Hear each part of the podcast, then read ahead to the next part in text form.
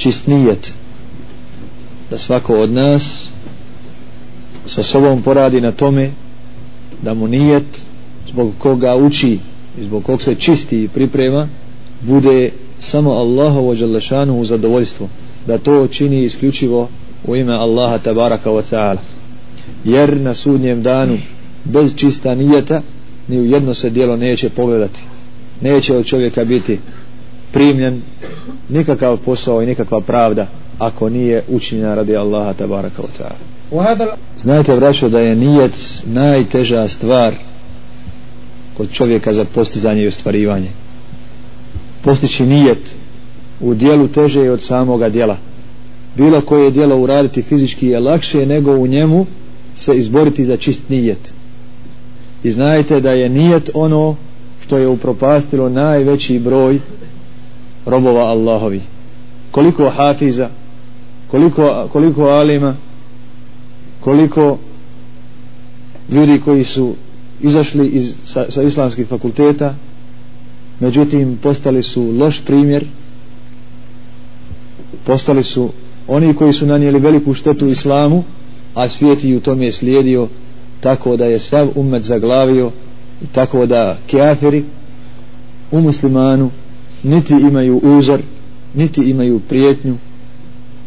A razlog svega toga kod tih ljudi jeste što su učili Kur'an ali nije bio sa ihlasom što su učili vjeru ali je nisu učili da daju njeno pravo.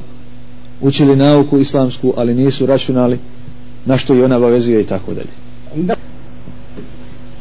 Od tih koji su tražili islamski ilm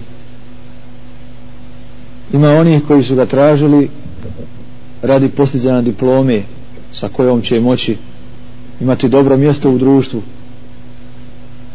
Ima ih koji su tražili da bi nakon postizanja te diplome mogli nastaviti vani da studiraju ili da se zaposle i tako dalje. To su nijeti. To su nijeti. I ima ih koliko god još hoćete a ima oni koji su to tražili da zadovolje svoga gospodara da postignu zadovoljstvo svoga gospodara. To je taj nijet. To je taj ihlas. To je taj nijet koji bi obezbijedio salamet njima i onima s kojima rade da je se našao u njihovom prsilom ali kad njega ne ima neće od toga ilma i neće od toga mjesta imati ništa nego propast na oba svijeta. Neće i nikada cijeniti uzavud misli da će ih cijeniti onaj njihov džemaatlija ili, ili, ili čovjek sa kojim žive a ne zna šta je islamsko znanje. Zašto će ga vrednovati? Zbog toga što on nosi tu diplomu. Tek će ga cijeniti mu'min kome je on trudeći se kako je Allah zapovidio prenese islamsko znanje onda će tek biti vrednovan i cijenjen od strane to znači ti nijeti na dunjaluku a na ahiretu pogotovo donose propast tom istoču sad nam je jasno zbog čega u hadisu koga bilježi muslim Resul sallallahu alaihi wasallam navodi tri osobe prvima kojima će se podpaliti žehennemska vatra. Ko su ti? Jedan je čovjek koji je naučio Kur'an. Drugi čovjek koji je podijelio imetak. I treći čovjek koji je dao život.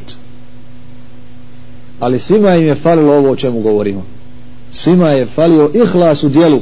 Nisu im dijela bila radi Allaha tabaraka wa ta'ala. Šta to znači? to znači da su Allahu Đalešanu pridružili drugog. Sa tim dijelima treba se tražiti ko? Allah. Oni su tražili nekog mimo njega. Prema tome šta hoće sa tim dijelom? Allahovo zadovoljstvo nisu ga htjeli. Allahov džennet nisu ga htjeli. Šta će im ostati? Propast toga dijela. I budući da nisu postigli džennet da nisu postigli Allahovo zadovoljstvo šta im je ostalo? Svima onima koji to ne postignu šta ostane?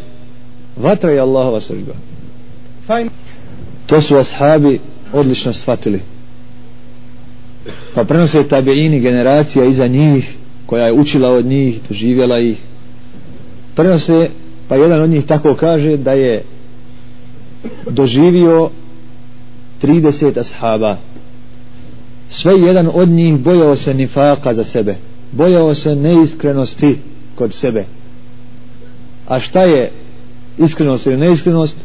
To je tvoja namjera sa vjerom koja je unutar ne vidi je niko od ljudi pa ni poslanik niti niko od meleka pa i oni koji te prate. Nego ti bilježe djela. A ko zna šta je u srcima? Allah tabaraka wa ta'ala. Pa kada nas proživi i pozove sebi ono što će ostati između nas i Allaha jeste to da li su nam djela primljena.